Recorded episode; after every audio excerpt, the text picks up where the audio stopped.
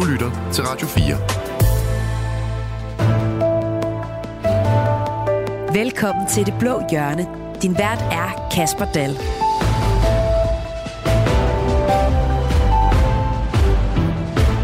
Folketinget er nu officielt åbnet, og der er nok at tage fat på for vores folketingspolitikere.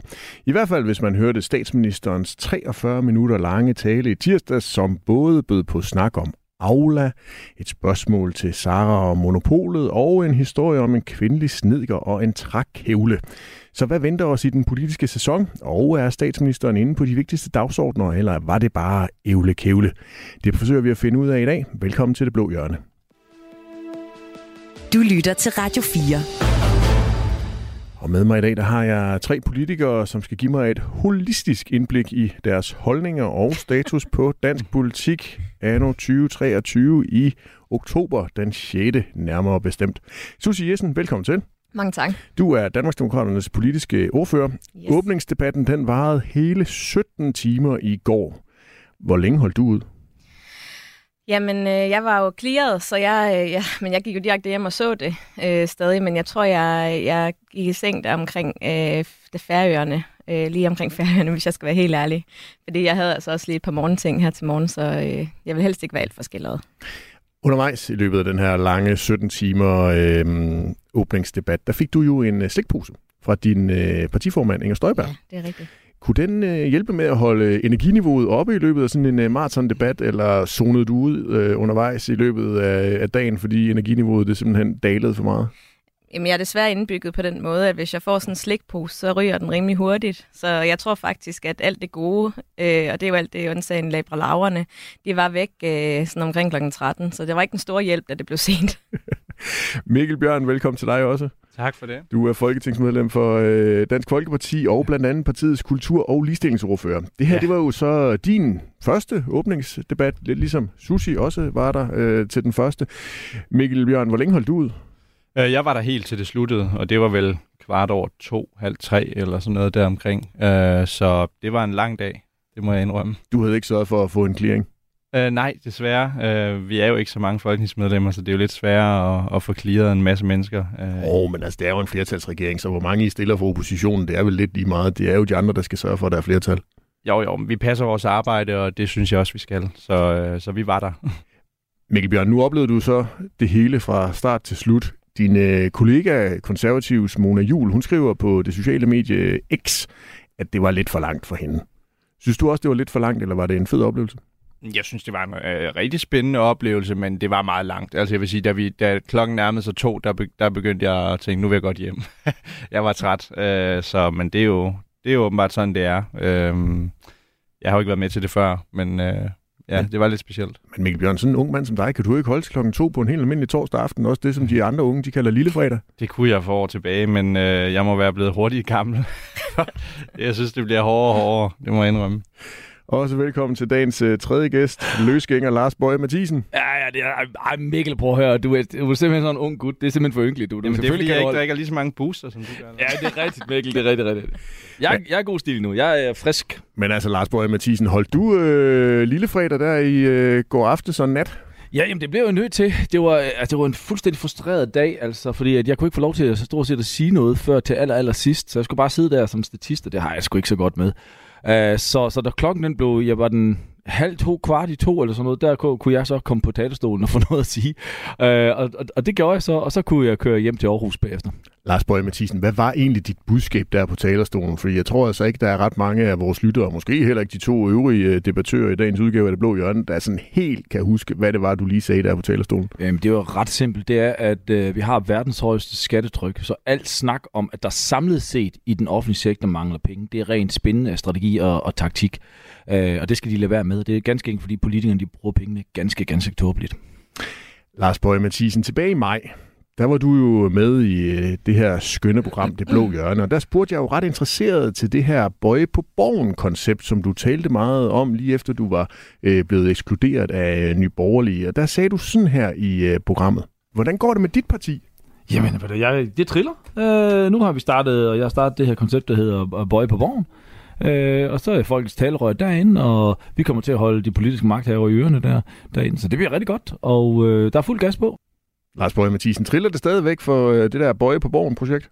Fuldstændig. Jeg har brugt øh, de sidste måneder på at tage rundt i hele landet og snakke med rigtig, rigtig, rigtig mange mennesker for at virkelig grave mig ned i, hvad er de her udfordringer helt konkret ude i, øh, i de enkelte, hvor, der, hvor vi snakker skoler, og vi snakker børnehaver, vi snakker for øh, en tømmer, for en, en, altså, hvad er det for nogle øh, administrative, byråkratiske ting, som de møder ind og, og har problemer med og sådan nogle ting. Så, så jeg har brugt rigtig, rigtig lang tid på at forberede mig, så jeg er klar til at give den fuld gas her til efter. Men Lars Borg Mathisen, hvor langt er du med at få stablet det der nye projekt, det nye parti, Bøje på borgen på benene? Men du får point for at prøve, fordi jeg er lidt træt, så kunne det være, at jeg hoppede på den her. Men, øh, men må ikke I, I alle sammen finde ud af, hvad der sker? Jeg har været fuldstændig ærlig at sige, at at øh, jeg håber og forventer også, at jeg er på stemmesedlen til, til næste valg, og det kan man kun gøre på tre måder, ved at være med i et andet parti. Jeg har ikke øh, officielt kontaktet nogle partier, øh, eller få et øh, stillet op som kredsmandat, eller starte Har du uofficielt kontaktet nogle andre partier, Lars Bøje Mathisen? Nej.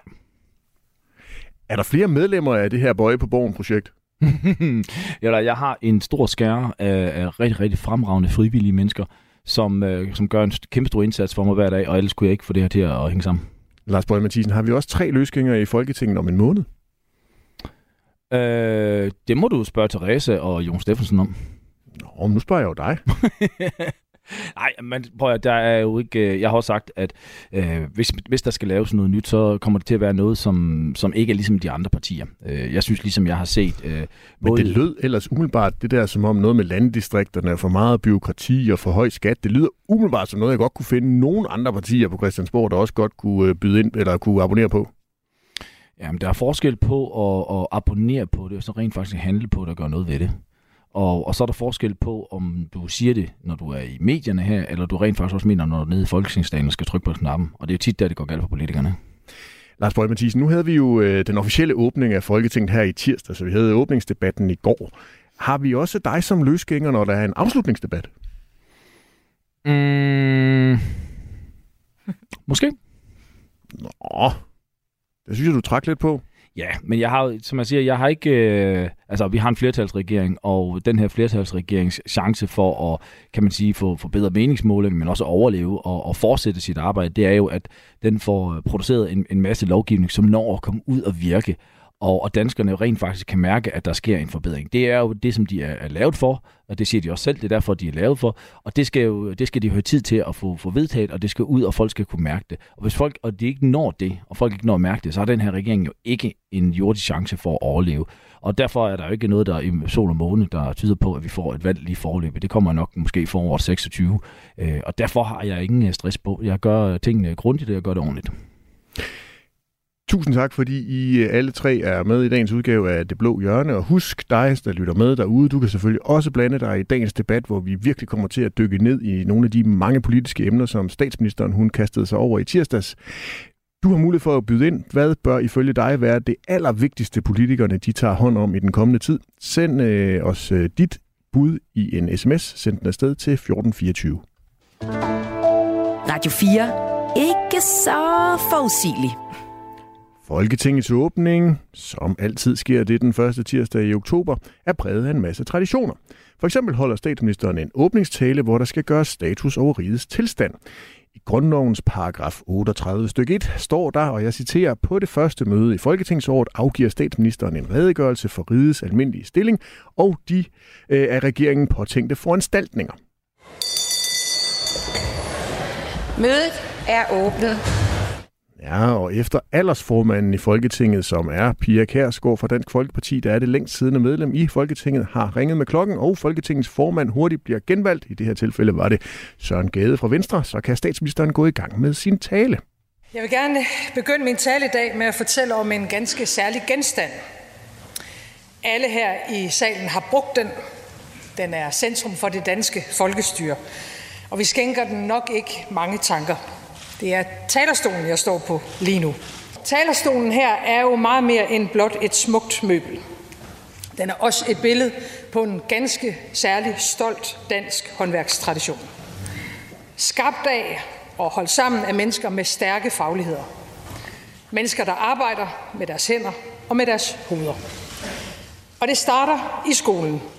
Ja, Mette Frederiksen hun begynder sin tale med at sætte fokus på en ganske særlig genstand, der er centrum for det danske folkestyre, nemlig talerstolen i Folketingssalen. Øh, Folketingets talerstol den er blevet lavet fra 1915 til øh, 1917 ud af en massiv egetræsstamme fra Møn. Og kort tid efter der fik kvinder stemmeret, derfor gik op det gaven til den kvindelige snedker Annie Bernsen. Og så kommer der altså store emner senere i talen, nemlig folkeskolen. Og ikke nok med det, for ikke så lang tid siden blev jeg spurgt, hvad jeg ville være, hvis jeg ikke var statsminister.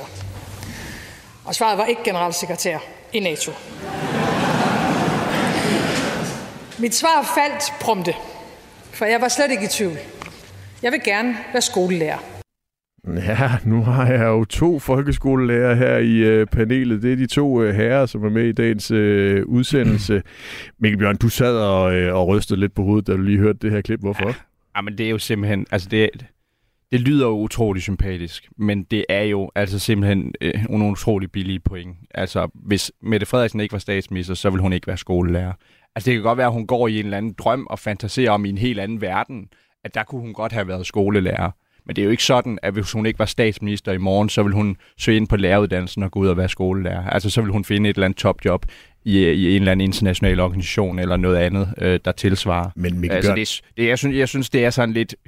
Jeg synes, det er meget billige point at fyre af øh, på Folketingets talerstol, men, men det står hende selvfølgelig frit for. men Mikkel Bjørn, er det ikke meget sådan rettidig omhu, at man sådan ligesom lige går rundt og overvejer med sig selv, hvis man nu ikke skal have det job, hvis man nu for eksempel bliver fyret, eller vælgerne ikke genvælger en, at man så lige går rundt og tænker på, hmm, hvilket fag, hvilken faglighed kunne jeg godt tænke mig at kaste mig over, hvis jeg nu ikke skulle lave det, jeg laver i dag. Og så er det vel helt legitimt, at Mette Frederiksen, hun tænker, okay, hvis vælgerne vrager mig, så skal jeg ikke ud og være NATO's generalsekretær, som jo var det, vi øh, troede, hun skulle være der for et halvt års tid siden, men at hun gerne vil være folkeskolelærer. Jo, det er da helt øh, fair og rimeligt. Det er bare ikke troværdigt. Altså, så, altså, det er, ikke, det er ikke det, der kommer til at ske, når Mette Frederiksen ikke længere er statsminister. Hun kommer ikke til at søge ind på læreruddannelsen. Hun kommer ikke til at være skolelærer. Det, kommer, det vil jeg næsten godt ved min politiske karriere på. Det kommer ikke til at ske. Øh, så altså, det, ja, jeg synes, det er billige point. Det synes jeg, det er. Lars Bøge Mathisen, du er jo også folkeskolelærer. Er det ikke sådan et pragtfuldt erhverv, hvor man godt kunne øh, øh, træde til, hvis man nu er, er braget statsminister og ikke længere har lyst til at være politiker? Jamen, jeg synes, at vi skal stå op hver dag, også borgerlige, for at sørge for, at Mette Frederiksen kan komme ud og blive lærer. Men har du overvejet måske selv at stemple ud og nedlægge dit mandat og vende tilbage til folkeskolegærningen, hvis det er et pragtfuldt fag? Øh, nej, ikke, ikke lige nu. Øh, jeg kan huske, at jeg blev valgt ind, at jeg, jeg havde et håb på, at vi måske i, øh, i, i Nye Borgerlige lige i starten, der kom ind, at, at vi kunne få så mange mandater ind, at jeg faktisk kunne bevare mit, øh, mit, mit lærerjob og få lov til at undervise for eksempel en dag om ugen om mandagen. Øh, nu kom vi ind med fire mandater dengang, og så var det simpelthen ikke, øh, ikke, ikke muligt arbejdsmæssigt. Øh, men jeg er stor tilhænger af, at, øh, at jeg synes, Folketinget skal være mere at være og Jeg er stor tilhænger af, at man øh, at folk beholdt deres øh, erhverv, samtidig med, at de sad i Folketinget. Ja, der har vi et punkt til partiprogrammet i øh, Bøje på Borgen-projektet. Susie Jessen, du sad også og øh, rystede på hovedet, da vi hørte, at Mette Frederiksen hun gerne ville være folkeskolelærer. Hvorfor det? Jamen, altså, jeg tror på, at Mikkel og Lars, de ville nok være folkeskolelærer, hvis det var, at de, øh, de vendte tilbage til, mm. til noget uden for Christiansborg. Men altså, Mette Frederiksen, hun, øh, så vidt jeg husker, så læste hun altså et eller andet Afrikas afrikanske studier. studier eller sådan noget på universitetet. Så hvis det er, at hun mener det her, hvorfor har hun så ikke læst til folkeskolelærer, inden hun Men- gik ind i politik? Men er det ikke okay at skifte retning senere i livet, hvis man nu finder men- ud af, at hun har, blevet, hun har været ude at besøge utallige øh, folkeskoler og kan se, hvor pragtfuldt øh, livet er som folkeskolelærer? Men det virker nu lidt belejligt, at der sidder en, der har læst på universitetet og læser afrikanske studier og sådan noget, så lige præcis fordi det passer ind i en god tale her, så vil man lige pludselig gerne være folkeskolelærer. Hvis jeg vender tilbage til, til arbejdsmarkedet, så vil jeg nok måske prøve at vende tilbage til journalistikken, for det er det, jeg er uddannet til. Mikkel vil nok vende tilbage til, til livet som lærer, men altså, jeg tror simpelthen ikke på, at hun vil, øh, hun vil øh, søge ind på læreruddannelsen. Der må altså lige men være ærlig. Susie Jessen og, og Mikkel Bjørn og Lars Borg Mathisen, vi har jo adskillige eksempler på det. Senest så har vi tidligere undervisningsminister Christine Antorini, som efter at have haft et øh, direktørjob ude i en, øh, en NGO, så vidt jeg husker, nu har sagt øh, jobbet op for at læse videre til sygeplejerske. Vi har også tidligere kulturminister Mette Bock, der efter at have været øh, politiker i en periode og også direktør, nu er blevet præst. Men er jeg det synes, ikke okay at skifte spor? Jo, og jeg synes, det ville være fremragende, hvis Mette Frederiksen hun skiftede spor. Hun det kan ville være rigtig, rigtig dejligt. Hvad siger du? Hun kan jo blive, få, Jeg tror, hun vil være en folkeskolelærer. er Jamen altså, jeg synes at vi skal arbejde rigtig, rigtig hårdt for, at Mette Frederiksen hun skifter spor. Skal vi ikke gøre det, Mikkel? Jo, det synes jeg, vi skal. Men Jørgen, du tror, hun vil være god. Hvorfor? Jeg tror, hun... Øh, altså, jeg synes jo i hvert fald hendes tale om skolen i går, og hvordan skolen bør, bør indrettes, øh, og, og hvordan vi har fejlagtigt indrettet den på nogle områder, øh, den synes jeg var meget on point. Altså, hun sagde mange af de rigtige ting i forhold til skolen, øh, og hvad der skal forbedres. At det så selv er, er det Socialdemokratiet, der har været med til at bygge mange af de problemer, som øh, skolen står i i dag. Det er så en helt anden diskussion, og derfor kan man også overveje, hvor troværdigt det budskab er. Men ikke desto mindre synes jeg faktisk, at, at hun sagde mange gode ting, når det kom til skolen. Vi prøver lige at dykke ned i noget af det, som øh, Mikkel Bjørn han hørte øh, statsministeren sige i øh, tirsdags. Fordi Mette Frederiksen mener nemlig, at der er flere problemer med vores folkeskole. Et af de problemer, det er, at lærernes autoritet er truet, ifølge statsministeren. Er vi som forældre gode nok til at sige for vores, til vores børn, prøv lige at høre her, det er din lærer, der bestemmer. Din lærer har styr på det. Hun har gjort det, hun mente var det rigtige. Lars Borg Mathisen, har lærerne mindre autoritet i dag?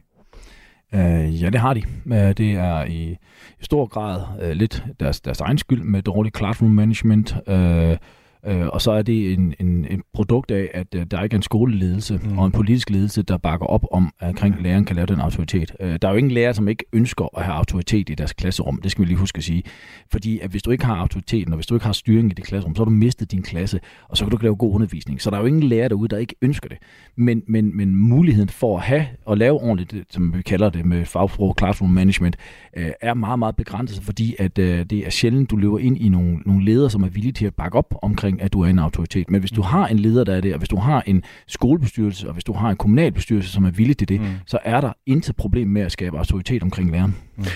Mikkel Bjørn, du sidder og, og nikker. Er du enig i det, som øh, Lars Borg Mathisen kalder for classroom management? Vi andre vil nok bare kalde det for klasseledelse. Klasserumsledelse, ja. Men altså, jeg er fuldstændig enig i Lars' analyse. Altså, det... Øh, udfordringen er, at øh, mange steder, at for det første, lærerne har ikke super mange øh, sanktionsmuligheder at, at hive op af værktøjskassen i det tilfælde, øh, de virkelig skulle have brug for dem. Øh, og dem, de har, dem, dem er der altså brug for, at ledelserne øh, bakker øh, fuldtonet op om, øh, når der er brug for dem.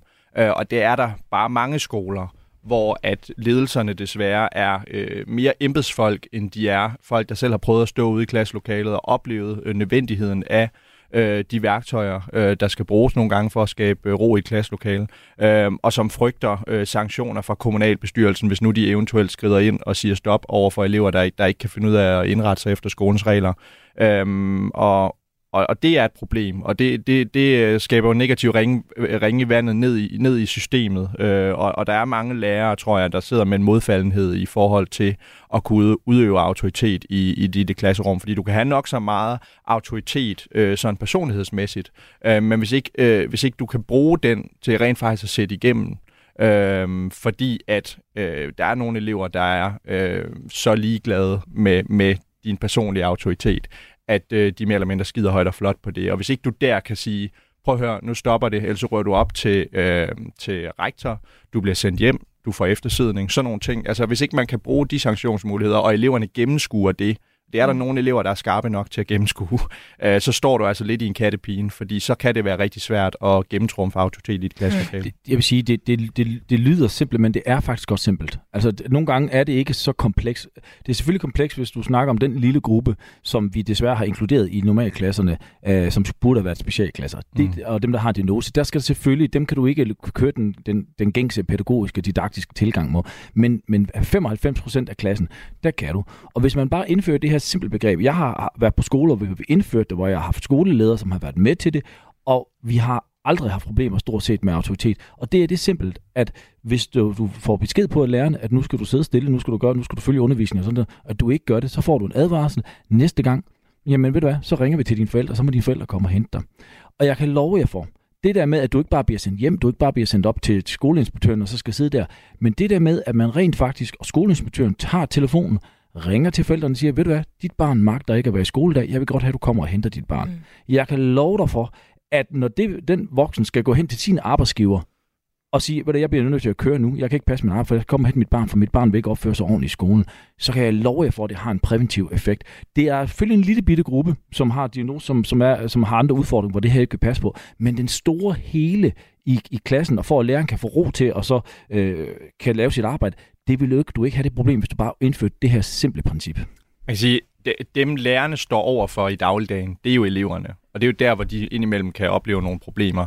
Øh, dem ledelserne står over for, Øh, det er meget sjældent eleverne. Øh, det er meget ofte forældrene. Mm. Og derfor så er der nogle ledelser, der er mere optaget af øh, og, og hvad skal man sige, feje problemer væk fra deres eget bord i form af at stå til ansvar over for forældrene. Nu har læreren gjort det og det og sanktioneret din elev, øh, dit barn på den og den måde og sagt, at nu skal, der, nu skal det stoppe og, og bum bum bum. Så er det lettere at skyde det til hjørne og sige, ja, men øh, øh, vi, vi lader bare tingene køre videre, vi gør ikke noget. Øh, fordi så, så opstår der ikke konflikter med forældre, med kommunalbestyrelser og alle de her ting. Og det er der desværre for mange ledelser, der er optaget af, i stedet for at være optaget af at bedrive en god skole med, med ro og orden i klassen. Men Susie Jessen, er det her noget, I som folketingspolitikere kan gøre noget for? Altså, kan I være med til at give lærerne mere autoritet ude i klasserummet? Ja, altså Mette kom jo ind på, på, på nogle af de her bindende mål, jo, som man har lagt op i folkeskolen, som fylder rigtig, rigtig meget. Men jeg synes på en eller anden måde også, at det giver noget, at der er en politisk diskussion omkring det, og det starter hun jo herinde.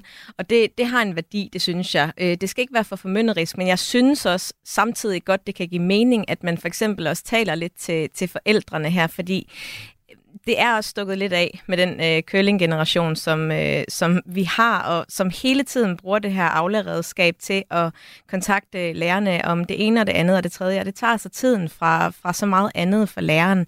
Så jeg synes på en eller anden måde også, det, det giver mening, men, men samtidig så synes jeg også nogle gange, at Mette Frederiksen, hun overtræder de her balancer, og der bliver hun meget formynderisk og, og skælder ud på os alle sammen, og det kan godt blive for meget. Lars Bøge Mathisen, er det noget, I kan gøre noget politisk ved? Mm. Og hvis ja, hvad? Nej, ikke, ikke gevaldigt meget for Folketinget. Altså, man kan fjerne de her mål, men der skal man lige huske på, at, at vi alle sammen skulle sidde og grine af dem. Altså, det er jo Socialdemokratiet og Venstre, der selv har indført ja, de her præcis, ting.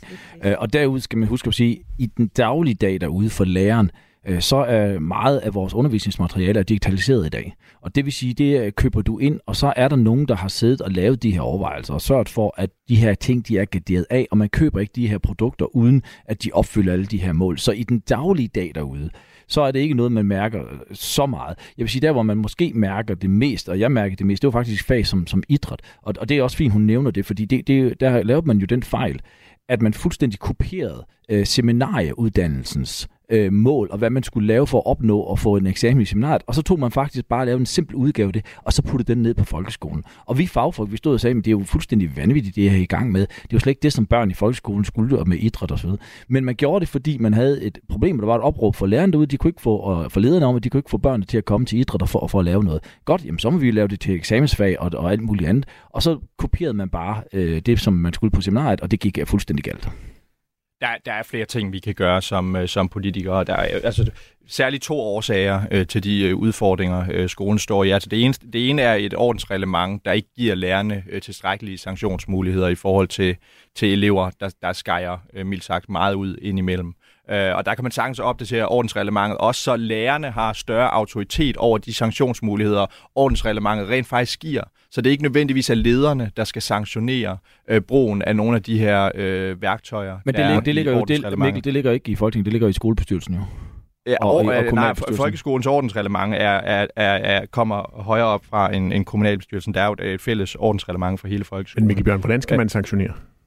Jamen, det kan man gøre på mange måder. Det afhænger jo af den, af den enkelte situation. Vil du have altså, eftersidninger? Vil du eftersidning er allerede et værktøj i det, i det gældende ordensreglement, mm. men det er et værktøj, der bliver brugt meget, meget sjældent, fordi at der er mange ledelser, der er bange for at bruge det, fordi at der er forældre, der så øh, møder modstand øh, mod dem øh, i det tilfælde. Noget helt andet er, at vi har centraliseret øh, så mange skoler og institutioner i meget, meget store øh, organer. Og, og det er klart, altså har du en lille skole med 100 elever, øh, 10 lærere øh, og, og, og en, en lille ledelse, så står den enkelte ledelse også i langt, langt højere grad til ansvar for de medarbejdere, de har under sig.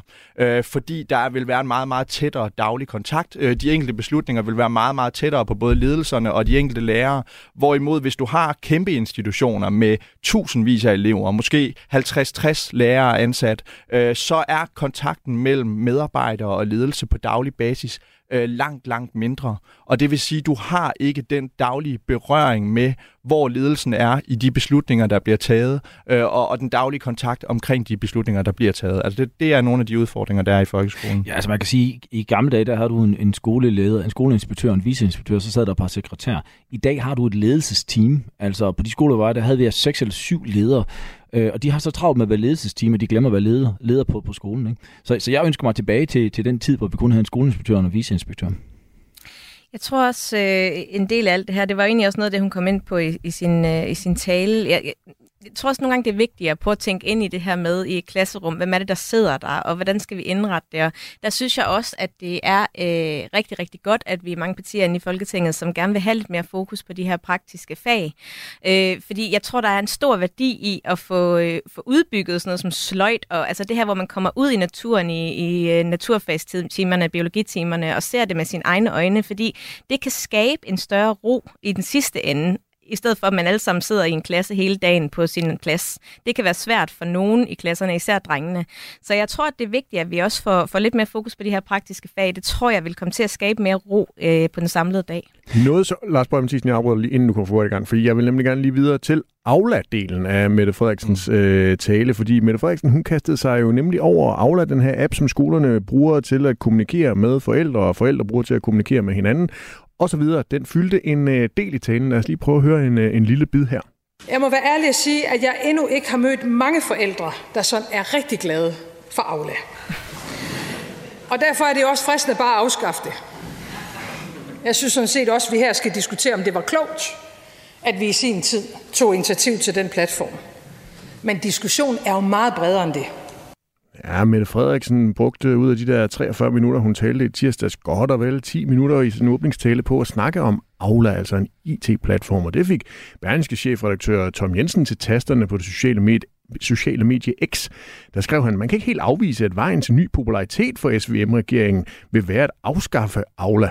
Susie Jessen, er du lidt ærgerligt over, at du ikke har fundet på den her, det her raid mod Aula, før Mette Frederiksen gjorde det? jeg tror, den der, den der kævle, hun stod på øh, i, i tirsdag, den blev givet af en venstremand øh, med de ord, nu kan I stå og kævle videre. Og det gjorde Mette Frederiksen de første mange, mange minutter af sin åbningstale her, hvor det handlede om, øh, om Aula. Det er et meget, meget let greb at tage fat i sådan noget, som, øh, som ikke altid fungerer, og så snakke om det i, øh, jeg ved ikke, hvor mange minutter. Mm. Så er det øh, genialt, eller er det billige point? Nej, jeg synes, det er meget billige point, det må jeg sige. Hun kunne godt have brugt tiden bedre. Altså, jeg vil gerne have haft lidt mere fokus på koranlov og CO2-afgifter, det må jeg sige, men det var nok ikke helt belejligt for hende. Mikkel Bjørn, du er jo uddannet lærer, som vi har været inde på. Historie, dansk samfundsfag og kristendom. Mm. Er Aula så forfærdeligt, som det er blevet gjort til Mette Frederiksen? Øh, ja, det er forfærdeligt. Jeg er jo så enig med Susie i, at, at det er jo en meget, øh, det er jo et meget, øh, øh, det, er jo, det er jo et intelligent retorisk knep at tage en meget lavt hængende frugt, som der ikke er nogen øh, særlig mange mennesker, der bryder sig om, og så sige, det, det, det er det, og så bruge 10 minutter af talen på at snakke om det, øh, fordi at, at så, så vinder man også sympati blandt de bredere masser, end man ellers ville have gjort. Men, men ja, Aula er en, en elendig platform, og den, og den burde lukkes, og altså, jeg tror, hvis du spurgte os, så, så var kontaktbogen i virkeligheden at foretrække over Aula, fordi den der øh, hele tiden løbende kontakt med forældre om alt lige fra glemte gummistøvler og alt muligt andet. Altså der, der er vi nødt til at rykke noget ansvar tilbage til forældrene selv øh, i forhold til at, at, at tage hånd om nogle af de ting, i stedet for at læreren skal jonglere med 10.000 bolde i luften på en gang øh, på daglig basis, lige fra de står op til de, til de går hjem. Øh, det, det, det, det tror jeg vil være med til at lette noget af det pres, der er på, på lærere i skolen. Men må jeg ikke også lige sige, at øh, nu, nu har jeg jo tre børn, og de to mindste, de, øh, de er i Aula øh, om, området der. Og øh, det, der er problemet med Aula, det er, at forældrene kan skrive til alle andre. Øh, mm. Det er ikke så meget kontakten fra læreren og pædagogerne ud til børnene, fordi jeg synes egentlig, at Aula-redskabet er fint, for eksempel i vores daginstitution, hvor vi kan få sendt øh, oplysninger og billeder og sådan noget af vores børn, og hvad har de lavet i dag og sådan noget. Det er rigtig, rigtig dejligt. Men det, der er problemet, det er jo forældrene, når det er, at de går den anden vej, og de synes, at øh, samtlige skal vide noget om, at øh, øh, Njord har glemt sine gummistøvler et eller andet sted, om der er nogen af os, der ved, hvor de er. Det er træls. Mm. Så det handler måske mere om sådan kultur, Aula-hygiejne, ja. end det handler om ja. selve platformen. Men det er jo svært. Altså, det er jo svært at ændre øh, kulturen ude blandt forældrene. Øh, altså, det, det, det tror jeg ikke er noget, det tror jeg ikke er, noget, vi kommer til at, at, at se. Altså, vi er nødt til at kigge på, om den her platform i virkeligheden initierer en bestemt form for, for adfærd. Og der tror jeg altså, at kontaktbogen var en langt, langt bedre ordning, hvor man kunne kommunikere om de nødvendige, mm. vigtige ting, der var mellem lærer og, og, og forældre. Øh, og så, så hvis forældrene vil, vil koordinere øh, gummistøvle arrangementer mellem hinanden, øh, så må de gøre det, øh, og ikke forstyrre læreren øh, med, med den slags øh, banaliteter. Men helt ærligt, det er da også bare så, øh, så genialt, at Mette Frederiksen, nu sidder vi og snakker om gummistøvler og og vi burde snakke om nogle meget, meget ja, vigtige præcis, dagsordner, der præcis. kommer her i efteråret. Oh, jo, jo, jo, men altså Aula er også en vigtig øh, dagsorden. Der er jo rigtig mange forældre, der dagligt er på øh, Aula. Lars Bjørge Mathisen, du har jo også, øh, mig bekendt, ret mig, hvis jeg tager fejl, børn, der kunne være i Aula-alderen. Begge to. Hvornår har du sidst været inde og skrive et eller andet inde på den der platform og koordinere noget med nogle gummistøvler eller nogle øh, lektier? Øh, nej, jeg var derinde i går aftes. Ja? Øh, Hvad skete der der? Nej, det er privat. Øh, det, det ønsker jeg ikke. Det, det, er jo, det er jo noget med mine børn at gøre, så det, det er privat. Om det handlede ikke bare om billeddeling eller øh, noget med, med lektierne, der skulle... Øh... Nej, nej, nej. jeg tror, som, tror, som lærer, så har man en vis forståelse for, at, at, at mængden kan være stor. Altså, øh, øh, og, og jeg, jeg giver faktisk Mikkel meget ret i det her at sige, jamen altså, et er noget af det, er, hvad der er i den gængse ting i dag, hvor vi bruger Instagram og sociale medier, og derfor mm. bruger vi det her, som vi også bruger vores sociale medier. Øh, og, og vi ser det som forlængelse af endnu sociale medier, som vi så kan bruge, og den, med den adfærd, vi har der, det skal vi stoppe med. Men derfor kan man også bare gå ind og kigge på det og sige, stop for, at man kan skrive til hinanden. Det kan godt være, at forældrene synes, det er praktisk, men det stresser dem også. Jeg har faktisk snakket med nogle, nogle, nogle, nogle møder, som har øh, to eller tre børn i skolen, sige, siger, prøv at høre, jeg føler faktisk, at min hverdag bliver rigtig, rigtig presset, fordi at alle de her beskeder om legeaftaler, om, øh, om, om, øh, som jeg så også får fra, fra fodbold og fra håndbold og alt muligt andet, det er faktisk sådan noget, der gør, at min hverdag bliver stresset. Så vi bliver nødt til at botanisere i det. Og, og der hjælper det jo ikke noget, hvis man har som, med systemet lagt op til, at man faktisk fordrer, at der er nogen. Fordi så, hvis der er en, der skriver til en, så føler man også et pres for at få skrevet tilbage. Så, så, så det, som, som, som lærer kunne, som var bedre, det var, at der var en, en større begrænsning på det i forhold til Aula. Jeg tror sagtens, man kan bruge Aula, og så bare begrænse øh, de der øh, måder, forældrene kan skrive til hinanden på. Men Aula er på en eller anden måde også blevet øh, øh, altså en indikation på den sygdom, der er, hvor det er, at man ikke øh, giver børnene ansvar for at øh, have et overblik over deres egen hverdag, mm. og holde styr på deres egne ting, og vide, hvor deres egen gummistøvler er henne, at forældrene konstant skal øh, blande sig og involvere samtlige på skolen i et eller andet, der handler om deres barn. Jeg synes, det, det er sådan lidt af en sygdom i vores samfund, det her. Det er meget skadeligt for vores børn, fordi det er også vigtigt, at vi lærer dem på en eller anden måde at tage ansvar for deres egen hverdag. Hvis vi skal kigge på, fuldstændig, hvis vi kigger på folkeskolens problemer, så ligger Aula altså ikke engang i top 10. Nej, nej. Altså, altså, så, så, og, og, og, derfor, derfor giver det ikke, ikke mening, at vi bruger, bruger lang tid på det. Nej, altså, en af de udfordringer, som vi også har, og det er jo ikke fordi det her det skal handle om alt om udlændingepolitik, men, men, men det er noget, vi bliver nødt til at snakke om, fordi at, at en af de problemer, vi har, det er, at tidligere, så havde lærerne jo haft øh, tid og til at fokusere på, på meget. Det gør man jo som lærer. Den, den nederste 25 procent af klassen, dem der har rigtig svært, dem bruger man procentvis mere tid på end de andre. Sådan har det altid været, og så tror jeg også, det vil blive med at være. Den indvandring, vi har haft de sidste 20, 30, 40 år, har gjort, at der er kommet en ny, altså de 25 procent er, er kommet på et lavere niveau. Og det vil sige, at det er så dem, man fokuserer meget på. Men dem, som så ligger lige over, de får så ikke den hjælp, som de burde have. Og det er derfor, vi nu ser, at udgifterne de eksploderer til de her ting. Så der er nogle ting strukturelt, vi bliver nødt til at kigge på. Jeg tror, vi skal have gjort op med den her inklusionsdagsorden, og så skal vi have genindført de her specialklasser på en, på en bedre og acceptabel måde. Lars Bøge Mathisen, det der det fik jo simpelthen fingrene til at ryge op her i øh, Københavner-studiet, men jeg tillader mig simpelthen lige at, øh, at lukke ned for øh, åbningstale-diskussionen der, fordi vi har lige brug for en lille bitte pause.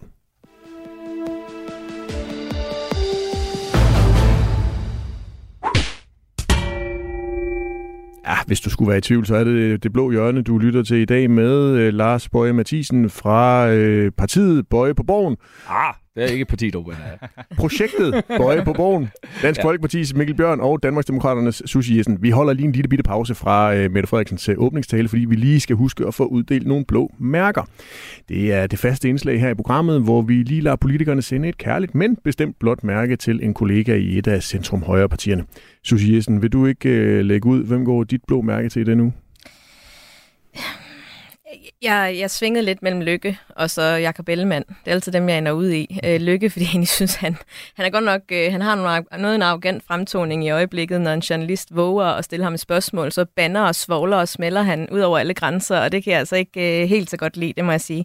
Men jeg tror, det ender med Jakob Ellemann, fordi lige nu så er der en stor usikkerhed omkring, øh, hvor Venstre de står på det her øh, CO2-afgiftsspørgsmål. Altså, vi har jo set øh, venstrefolk, som øh, gerne vil have den her afgift øh, i køledisken, så ser vi nogen, der vil det omvendte, øh, og så er der nogen, der siger, at vi skal afvente de her anbefalinger. Så der er virkelig, virkelig meget forvirring i øjeblikket, og jeg synes ikke, at øh, Jakob Ellemann Jensen han samler sit parti særlig godt. Mikkel Bjørn, hvem skal have dit blå mærke det nu? Altså, jeg er fuldstændig enig med Susi. Lykke kunne sagtens få det. Altså, Venstre burde bare have et permanent øh, blåt mærke.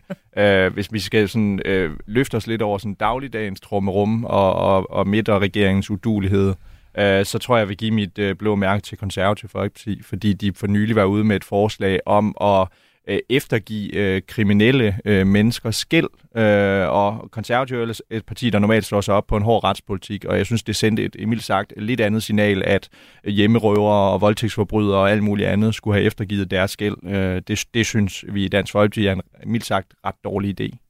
Lars Borg Mathisen, hvem skal have dit blå mærke? Det skal Preben Bang fra Venstre. Øh, jeg synes i går i åbningsdebatten, at hans øh, forsøg og på at, at angribe på Alex Vanderslag var langt under øh, lavmålet. Øh, det var i debatten omkring, omkring øh, kokain og apoteker, det der, som, som, som øh, man nu endelig troede, åh, det er jo sådan, når Liberal Alliance er succes, så skal de dem straffes, og så kører man sådan en koordineret indsats for at sige, nu har vi ham endelig, nu kan vi endelig få ham.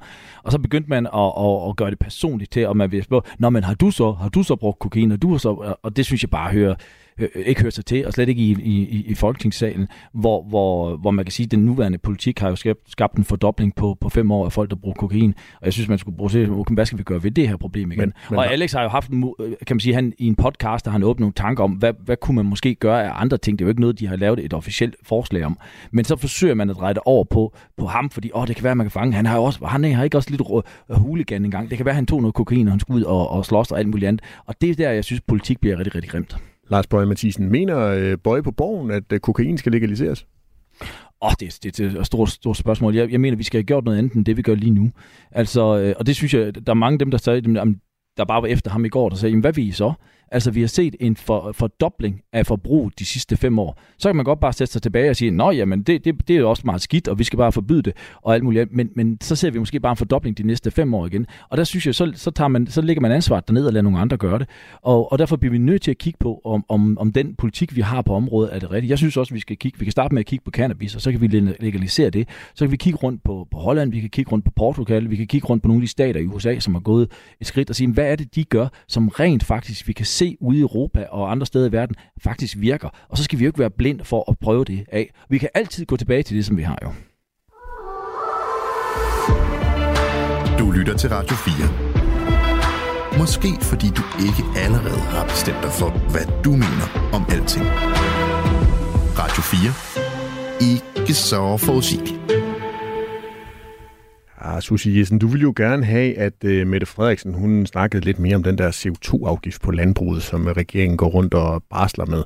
Og det kom hun jo faktisk også en lille bitte smule ind på i uh, åbningstalen. Altså lige prøve at høre, hvad det var, statsministeren hun uh, sagde omkring det. Vi skal videre på klima. 2025-målet skal i hus. Landbruget skal bidrage, derfor en CO2-afgift og en flyafgift, så vi kan flyve grønt i vores land. Ja, Susie Jessen, landbruget skal bidrage. Skal landbruget ikke bidrage til den grønne omstilling og det, at vi kan nå i mål med vores ambitioner, som er bredt forankret i hele Folketinget? Jo, og øh, det gør de allerede. Jeg, øh, jeg var ude og besøge en, øh, en landmand her for noget tid siden, en der hedder Søren, øh, som i den grad har fået sænket sin, øh, sin øh, klima, altså hans udslip. Øh, han, har, han er mælkeproducent, og han har gjort sådan, så hans øh, køer, de kan producere, jeg tror det er over 20 liter mælk hver dag. Det er sådan nogle super køer. Han har ændret på fodersammensætningen, sådan, så det er, det er blevet nogle rigtig, rigtig effektive køer. Han har virkelig fået sænket sit, øh, sin klimabelastning øh, markant, og det er jo det, der er spørgsmålet med det her. Hvis det er, at vi giver ham en CO2-afgift, så ryger de her arbejdspladser jo bare ud af landet. De politikere, som normalt er så globalt orienteret, de tænker ekstremt nationalt, når det handler om klimaet. Og det nytter jo ingenting, fordi at hvis det er de her arbejdspladser, og alle de her bare ryger ud af landet, så ender det jo øh, med, at det globalt set bare bliver værre for vores klima. Så jeg synes, at det var super ærgerligt, at Mette Frederiksen ikke kom mere ind på det her, end den der lille linje i, øh, i sin tale, for det kommer jo til at fylde rigtig meget henover for øh, efteråret, og det kommer til at betyde ekstremt meget for vores landdistrikter, også hvis der ryger arbejdspladser. Mikkel Bjørn, så havde du også savnet mere omkring en CO2-afgift?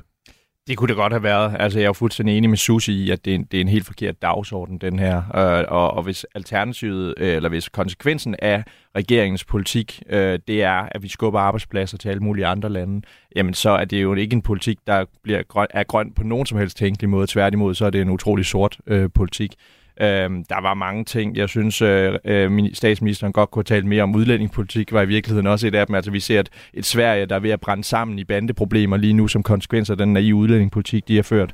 Øh, det kunne man godt øh, have nævnt noget om, synes jeg. Øh, ja. Lars Bøje Mathisen, øh, Bøje på borgen, er I for eller imod sådan en CO2-afgift på landbruget? Ja, absolut imod. Altså, hvis du lægger CO2-afgiften på, på, på landbruget, altså på produktionen, så gør du bare andre landes varer billigere i Danmark, og så mm. vælger de dem ned i køddisken, i stedet for at du flytter arbejdspladser ud. Hvis du lægger afgiften på, på selve kødet, jamen så går du det dyre for danskerne, og det har den sociale pil ned. Altså dem, der har det mindst, det er dem, som, som må, må undvære øh, Mette Frederiksens berømte kødsovs til, til aftensmaden. Så, så den sådan CO2-afgift er, er fuldstændig forfejlet. Så vi skal slet ikke have en CO2-afgift. Hvordan skal landbruget så bidrage til en grøn omstilling? Jamen, landbruget bidrager allerede nu. Altså forestillingen om, at landbruget ikke bidrager. Dansk landbrug er et af de mest klima, øh, kan man sige, øh, miljømæssigt rigtige. De gør rigtig, rigtig meget. De går forrest i de her områder. Der er faktisk nogle ret øh, strenge krav derpå. Øh, hvis man kigger nu, lige nu er det jo meget de indre farvande deroppe, og der skal man bare huske på, at langt den største del af den, af den, den udledning, der kommer der, det kommer fra de omliggende lande, altså fra Polen og alle mulige andre. Så hvis man vil lave noget, som går godt for, for Østersøen og Kattegat og det klima, så skal man jo snakke regionalt i de, i de forum, som, som er der, og så blive enige om, om tingene. Men bare det der med at lave et, en, en forestilling om, at hvis vi gør noget i Danmark, jamen, jamen så, er, altså, altså, så er CO2 ikke øh, globalt, og det er simpelthen noget pjat. Øh, så, så man skal lade være med de her, hvor man går længere end andre lande, for det skader bare dansk konkurrence det skal uden grund simpelthen. Det er jo noget med, at det, det er jo kun Danmark, som har den her CO2-afgift. New Zealand, de har vist prøvet på noget lignende, men er ikke kommet i mål med det. Og det er fuldstændig rigtigt, hvad Lars siger. Det her det vil jo ende, ende med en total skævhed i forhold til de varer, som ellers kommer til at ligge i køledisken. Og jeg har det bare sådan, når det er, at jeg kommer hjem fra, øh, fra en ferie, nu er det nogle år siden, vi, øh, vi har været i Spanien og sådan noget, fordi at øh, vi har små børn. Men det første, vi gerne vil, når vi kommer hjem, det er altså at få et glas dansk mælk det er bare sådan en helt basis ting, der er rigtig, rigtig rar at få, fordi det er noget særligt. Men det forhindrer en CO2-afgift vel ikke? Jo, fordi at det, der kommer til at ske, det er, at det er mælkebønderne, altså det er dem, der kommer til at blive ramt aller, aller hårdest af det her. Så vi kan jo risikere, at det her det bliver rigtig, rigtig dyrt, eller at det bliver erstattet af noget andet. Og det synes jeg bare vil være super, super ærgerligt. Øhm, og, og også bare det her problem med, at oksekød, altså almindelig dansk hakket oksekød, bliver så dyrt, så der er nogle mennesker, der ikke kommer til at kunne følge med. Det synes jeg bare er enormt uretfærdigt. Vi lukker ned for et erhverv her, hvor vi er så hammerne gode i forhold til andre lande, og man straffer dem med en CO2-afgift, når det er, at man i forvejen er i gang med at stemple ind på den her dagsorden. Jeg synes, det er så skævt. Man skal også lige huske på, at det her med, med nu siger du, det er vores, vores klimamålsætninger, som er bredt forankret. Altså, det, det er jo sådan et, et procenttal, man bare sætter op. Ja. Altså, prøv at høre, Socialdemokratiet, de uh, gik øh, til valg uh, til 19, altså det skulle være 60 procent, og 60 procent er det rigtige. Det der. Så blev de presset lidt af de andre, de skulle lave et regeringsgrundlag. Bum, så blev lige pludselig poppet op til 70. Altså, det har jo ikke nogen klimamæssig betydning, om det er 60 eller 70 eller noget som helst i Danmark. Men Lars Bøge Mathisen, Bøje på borgen, hvilket procenttal vil I gerne have, at vi skal have reduceret med i 2030? Jamen, hvis du vil gøre noget, som rent faktisk, øh, hvis det gør noget klima, så skulle du sikre ren og billig og stabil energi. Så skulle du bare indføre kernekraft i Danmark. Så havde du, så havde du opnået tjent alle de ting. Og så skulle du bruge den, den viden og den know-how, vi har i Danmark. Øhm, der var et projekt over i Kina, hvor vi fra Energistyrelsen sendte to, to personer over og hjælpe dem med at effektivisere deres fjernvarmeværker. Øh, og det gjorde man på et par stykker derovre. Den besparelse, som man lavede derovre, det svarede til 20, jeg tror det var 21 millioner ton CO2, og det er faktisk alt, hvad man skal finde i Danmark med hele 70% målingssætning. Det vil sige, at med et enkelt projekt over i Kina, kunne man faktisk få opnået den samme, hvis det er det, man går efter CO2-reduktion, ved at, at tænke ud i det store udland, i stedet for at, at putte flyafgifter, øh, afgifter på fly, afgifter på oksekød og alt muligt andet, som reelt set bare gør tilværelsen dårligere for danskerne. Og vi tager en debat omkring kernekraft den anden dag. Jeg har noteret på bloggen, at Bøje på Borgen er for kernekraft. Det var jeg faktisk også dengang, da det ikke var populært at være for kernekraft, ja. Nu har vi lige diskuteret de emner, som Mette Frederiksen gerne ville have, at vi skulle øh, diskutere. Mikkel Bjørn, hvad kommer du til helt kort til at arbejde for her i den her kommende folketingsperiode? Hvad er det vigtigste for dig? Åh, oh, jeg har mange dagsordner. Altså, udlændingepolitikken er jo helt for Dansk Folkeparti det hele taget det, der fylder mest. Øh, fordi vi synes ikke, der er nogen andre partier, der varetager den, øh, det område med, med ansvarlighed. Øh, så det kommer vi til at slå på. Jeg, sidder, jeg er jo formand for Indfødsretsudvalget og kommer jo fortsat til at kæmpe for, at vi bliver meget mere restriktive i vores tildeling af statsborgerskaber, hvor stort set alle andre partier også øh, gang på gang stemmer tusindvis af mennesker igennem, hvoraf en, en desværre betydelig andel aldrig burde have haft det. Øhm, så, der, så der er mange gode dagsordner. Øh, jeg er også kulturoverfører jo, og kultur er også et område, der fylder meget for mig. Øh, det, at vi passer på vores kulturarv, øh, at øh, fortidsminder ikke står og forfalder, at vores kirker ikke øh, bliver revet ned, fordi der ikke er penge til vedligeholdelse. Der er rigtig mange dagsordner, som, som jeg kæmper for, og som jeg synes er vigtige. Du får travlt, Mikkel Bjørn. Det var mange dagsordner. Susie Jessen, hvad bliver din vigtigste dagsorden? Ikke bare, ligesom Mikkel Bjørn, hvad det er, du har stående på bloggen, du synes er lidt interessant. men bliver den vigtigste? Nu har vi jo været inde på CO2-afgifter, så det vil jeg ikke gentage. Altså, jeg, jeg, jeg Øh, den der koranlovsdiskussion, den, øh, den glæder jeg mig rigtig, rigtig meget til at tage, og jeg er glad for, at vi er en række partier, der har ophævet den her clearingsaftale, sådan så samtlige folketingsmedlemmer, de skal ned og trykke på den knap, fordi de er jo reelt Iran og Iraks forlængede arm i Danmark. Det er jo dem, der har presset vores danske regering til at lave den her fuldstændig skøre koranlov, der indskrænker vores ytringsfrihed. Nu skal de ned og trykke på den knap, og så stå til ansvar for det magtværk, som den her regering laver. Lars Bøge Mathisen, samme spørgsmål til dig. Hvad kommer Bøje på borgen til at kæmpe for i den næste folketingsperiode?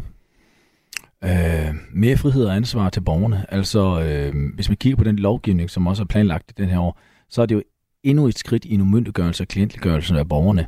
Og det skaber et meget, meget usundt samfund, og, og den her regering uh, går meget, meget, meget uh, tunge skridt den vej med begrænsning af ytringsfrihed, begrænsning og, og adfærdsregulering i, hvad vi skal spise, hvad vi skal køre i, og hvad vi skal tænke, og hvad vi skal mene.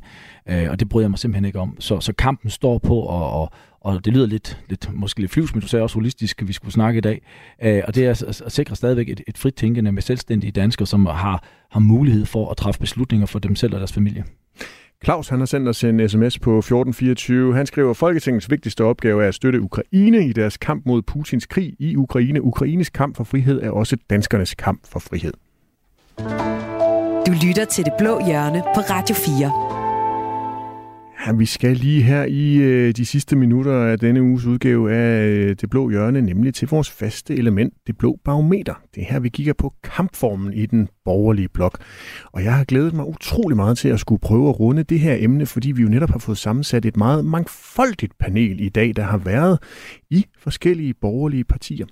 Fordi hvis man har fulgt med hos øh, TV2, og Ekstrabladet, så er der gang i en fløt på Christiansborg, om den så ender i et lykkeligt ægteskab, eller om man måske bliver ghosted, som det hedder med et populært udtryk, hvor det er, at man sådan lader være med at svare på hinandens tilnærmelser. Det ved vi ikke endnu, men øh, jungletrummerne eller vandrørene på Christiansborg siger, at Dansk Folkeparti skulle have lagt en føler ud hos nye borgerlige for at høre, om de kunne være interesseret i at fusionere de to partier. For efter Dansk Folkeparti med Morten Messersmith i spidsen nu erklærer sig som et fuldtonet borgerligt parti og har stoppet den der fløjt med midten i dansk politik og Mette Frederiksen, som Christian Thulsen Dahl jo ellers lag for dagen, så er pladsen over i den blå blok jo blevet en lille bitte smule trang. Pernille Vermund, formand, eller politisk leder for Nye Borgerlige, som det jo hedder derovre, sagde sådan her til øh, Radio 4 i tirsdags ved Folketingets åbning. Jeg kan ikke udtale mig om, om der er folk, der har henvendt sig til os for at spørge, om vi har lyst til at slå partiet sammen med Dansk Folkeparti. Men jeg kan fuldstændig gøre det klart, at vi har ingen interesse i at slå partiet sammen med Dansk Folkeparti. Mikkel Bjørn, du har jo indtil for ganske nylig været i Nye Borgerlige, og nu er du så i Dansk Folkeparti. Har du nogen kendskab til, at nogen i dit nye parti, altså Dansk Folkeparti, har ragt ud til Nye Borgerlige for at tale om en eventuel fusion? Nej, det har jeg ikke. Jeg tror, det er mest af journalistisk rygtespind, men det er jo en sjov tanke.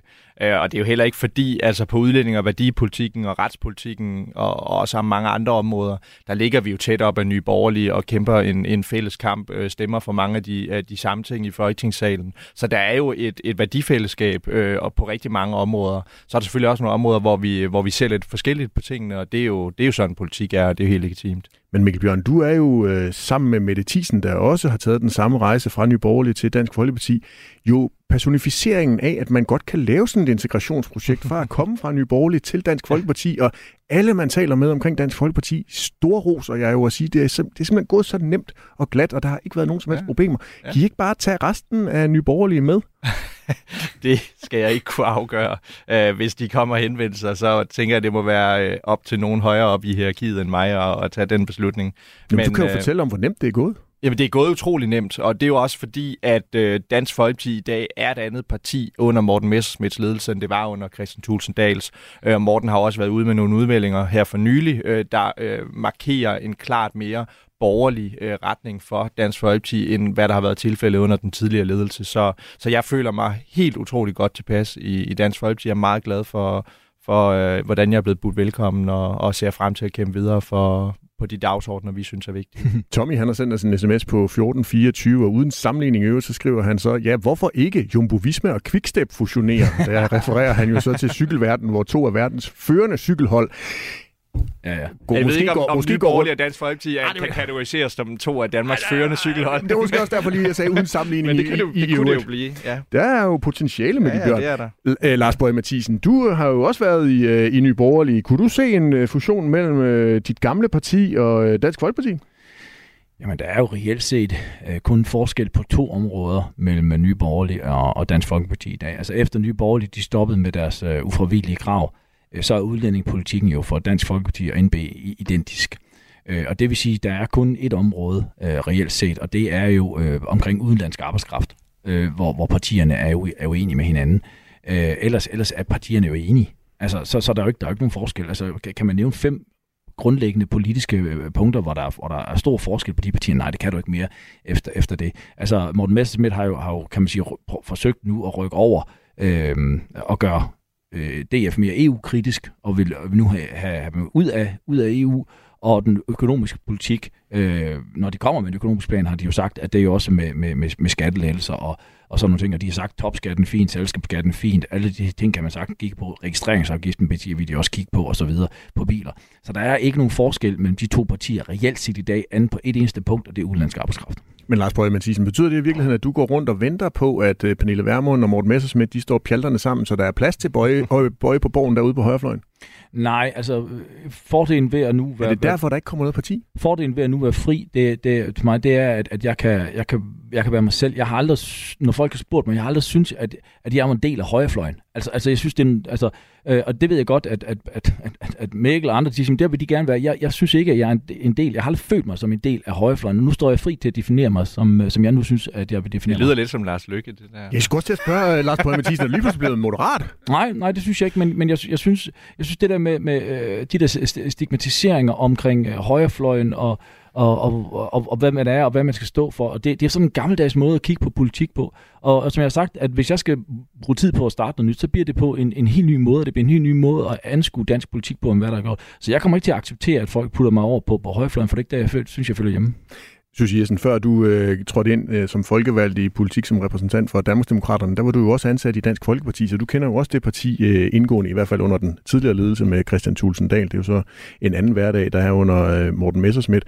Kunne du se øh, ny, øh, ny Borgerlige og Dansk Folkeparti slå pjalterne sammen?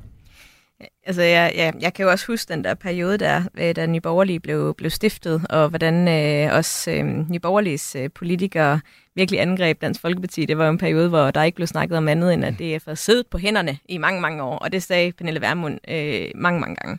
Så øh, det her, det handler jo måske også på en eller anden måde om øh, Pernille Vermund klar til at have Morten Messersmith som sin formand. Det tror jeg ikke. Og det lyder som om, hun afviser det sådan rimelig kategorisk. Så altså, jeg ser ikke det her for mig, det, det må jeg sige. Men det viser jo bare, at øh, politik øh, kan forandre sig meget, meget hurtigt på meget kort tid. Så, altså, øhm. Ja, man, man kan sige Martin Henriksen, som, som, som har skrevet, jeg ved ikke hvor mange et, et kritiske indlæg omkring Pernille, og kalde både Pernille og, og Peter for løgner. Ja, ja. Sidder, sidder nu nye borgerlige. Ikke? Altså, det, og Mette Thiesen sidder og, jo også i Dansk Folkeparti, og jo. hun, øh, hun havde jo også øh, noget at sige om DF dengang. Ikke? Så jo, jo, jo, jo, lige præcis. Og, og, og, og DF og Morten Messersmith har haft en hemmelig blog om, omkring, om, omkring nye borgerlige. Sådan ting. Så de to partier har jo været har bekriget hinanden, ikke? og man skulle hele tiden lukke flanker af og alt muligt andet. Det var, det var men, frygteligt belastende. Men viser det så ikke også, at vi måske er kommet et andet sted blandt de her partier ude på, på højrefløjen i 2023, når det nu er, at der muligvis altså er den her øh, store vandring mellem de enkelte politikere rundt, hvorfor så ikke slå pjallerne sammen? Jo, men det, det, jeg, jeg, nu afviser de det begge to, sådan, eller øh, Pernille gør det rent kategorisk, øh, men, men jeg tror ikke, det er en umulighed. Altså, menings, dårlig meningsmåling kan gøre en masse ting ved partier, øh, og, og, øh, og hvis der kun reelt set er det ene, eneste politiske uenighed, som de har i udenlandsk arbejdskraft. Jeg ved ikke, om, om, om Mikkel kan definere andre, øh, som, som er klare øh, forskelle politisk, for det kan jeg simpelthen ikke se lige den dag i dag. Så, så hvis det er det eneste, jamen så er der jo ingen grund til at, kan man sige, at have to forskellige partier. Er du enig i det der med, at der kun er udlændingepolitikken til forskel, Mikkel Bjørn? der er jo, der er jo nogle, klart nogle nuancer, og også måden, man kommunikerer på, og, og, og meget andet. Så, Jamen, altså, rent politisk, Mikkel, kan du pege på tre punkter, hvor der så er store forskelle? Der er, jo nogle, der er nogle forskelle i forhold til skolen, øh, hvordan den skal tilrettelægges. Øh, Nye Borgerlige vil gerne lægge den helt ud, og, og, og altså frigøre den fuldstændig fra staten.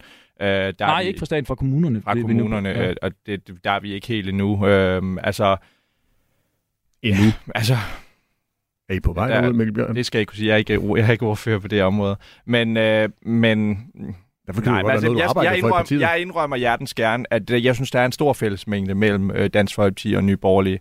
Øhm, og jeg synes, vi kæmper mange af de samme kampe øh, i Folketinget. Øh, jeg synes selvfølgelig, at Dansk Folkeparti er det parti, der har den største eksistensberettigelse i dansk politik. Øhm, men, øh, men derfor er jeg selvfølgelig glad for, at der er andre, der kæmper den samme kamp. Vi når ikke mere i dagens udgave af øh, Det Blå Hjørne. Fik du ikke lyttet med fra start, så husk, at du kan finde dette program og alle de andre udgaver af Det Blå Hjørne som podcast i Radio 4's app. Tusind tak til dagens gæster, Danmarksdemokraternes Susie Jessen, Lars Bøje Mathisen fra det politiske projekt Bøje på Borgen og Mikkel Bjørn Sørensen fra Dansk Folkeparti. Programmet er lavet i samarbejde med Avisen Danmark, hvor jeg, Kasper Dahl, til daglig har fornøjelsen af at være politisk redaktør. Ha' en øh, rigtig god weekend. Du har lyttet til en podcast fra Radio 4. Find flere episoder i vores app, eller der, hvor du lytter til podcast. Radio 4. Ikke så forudsigeligt.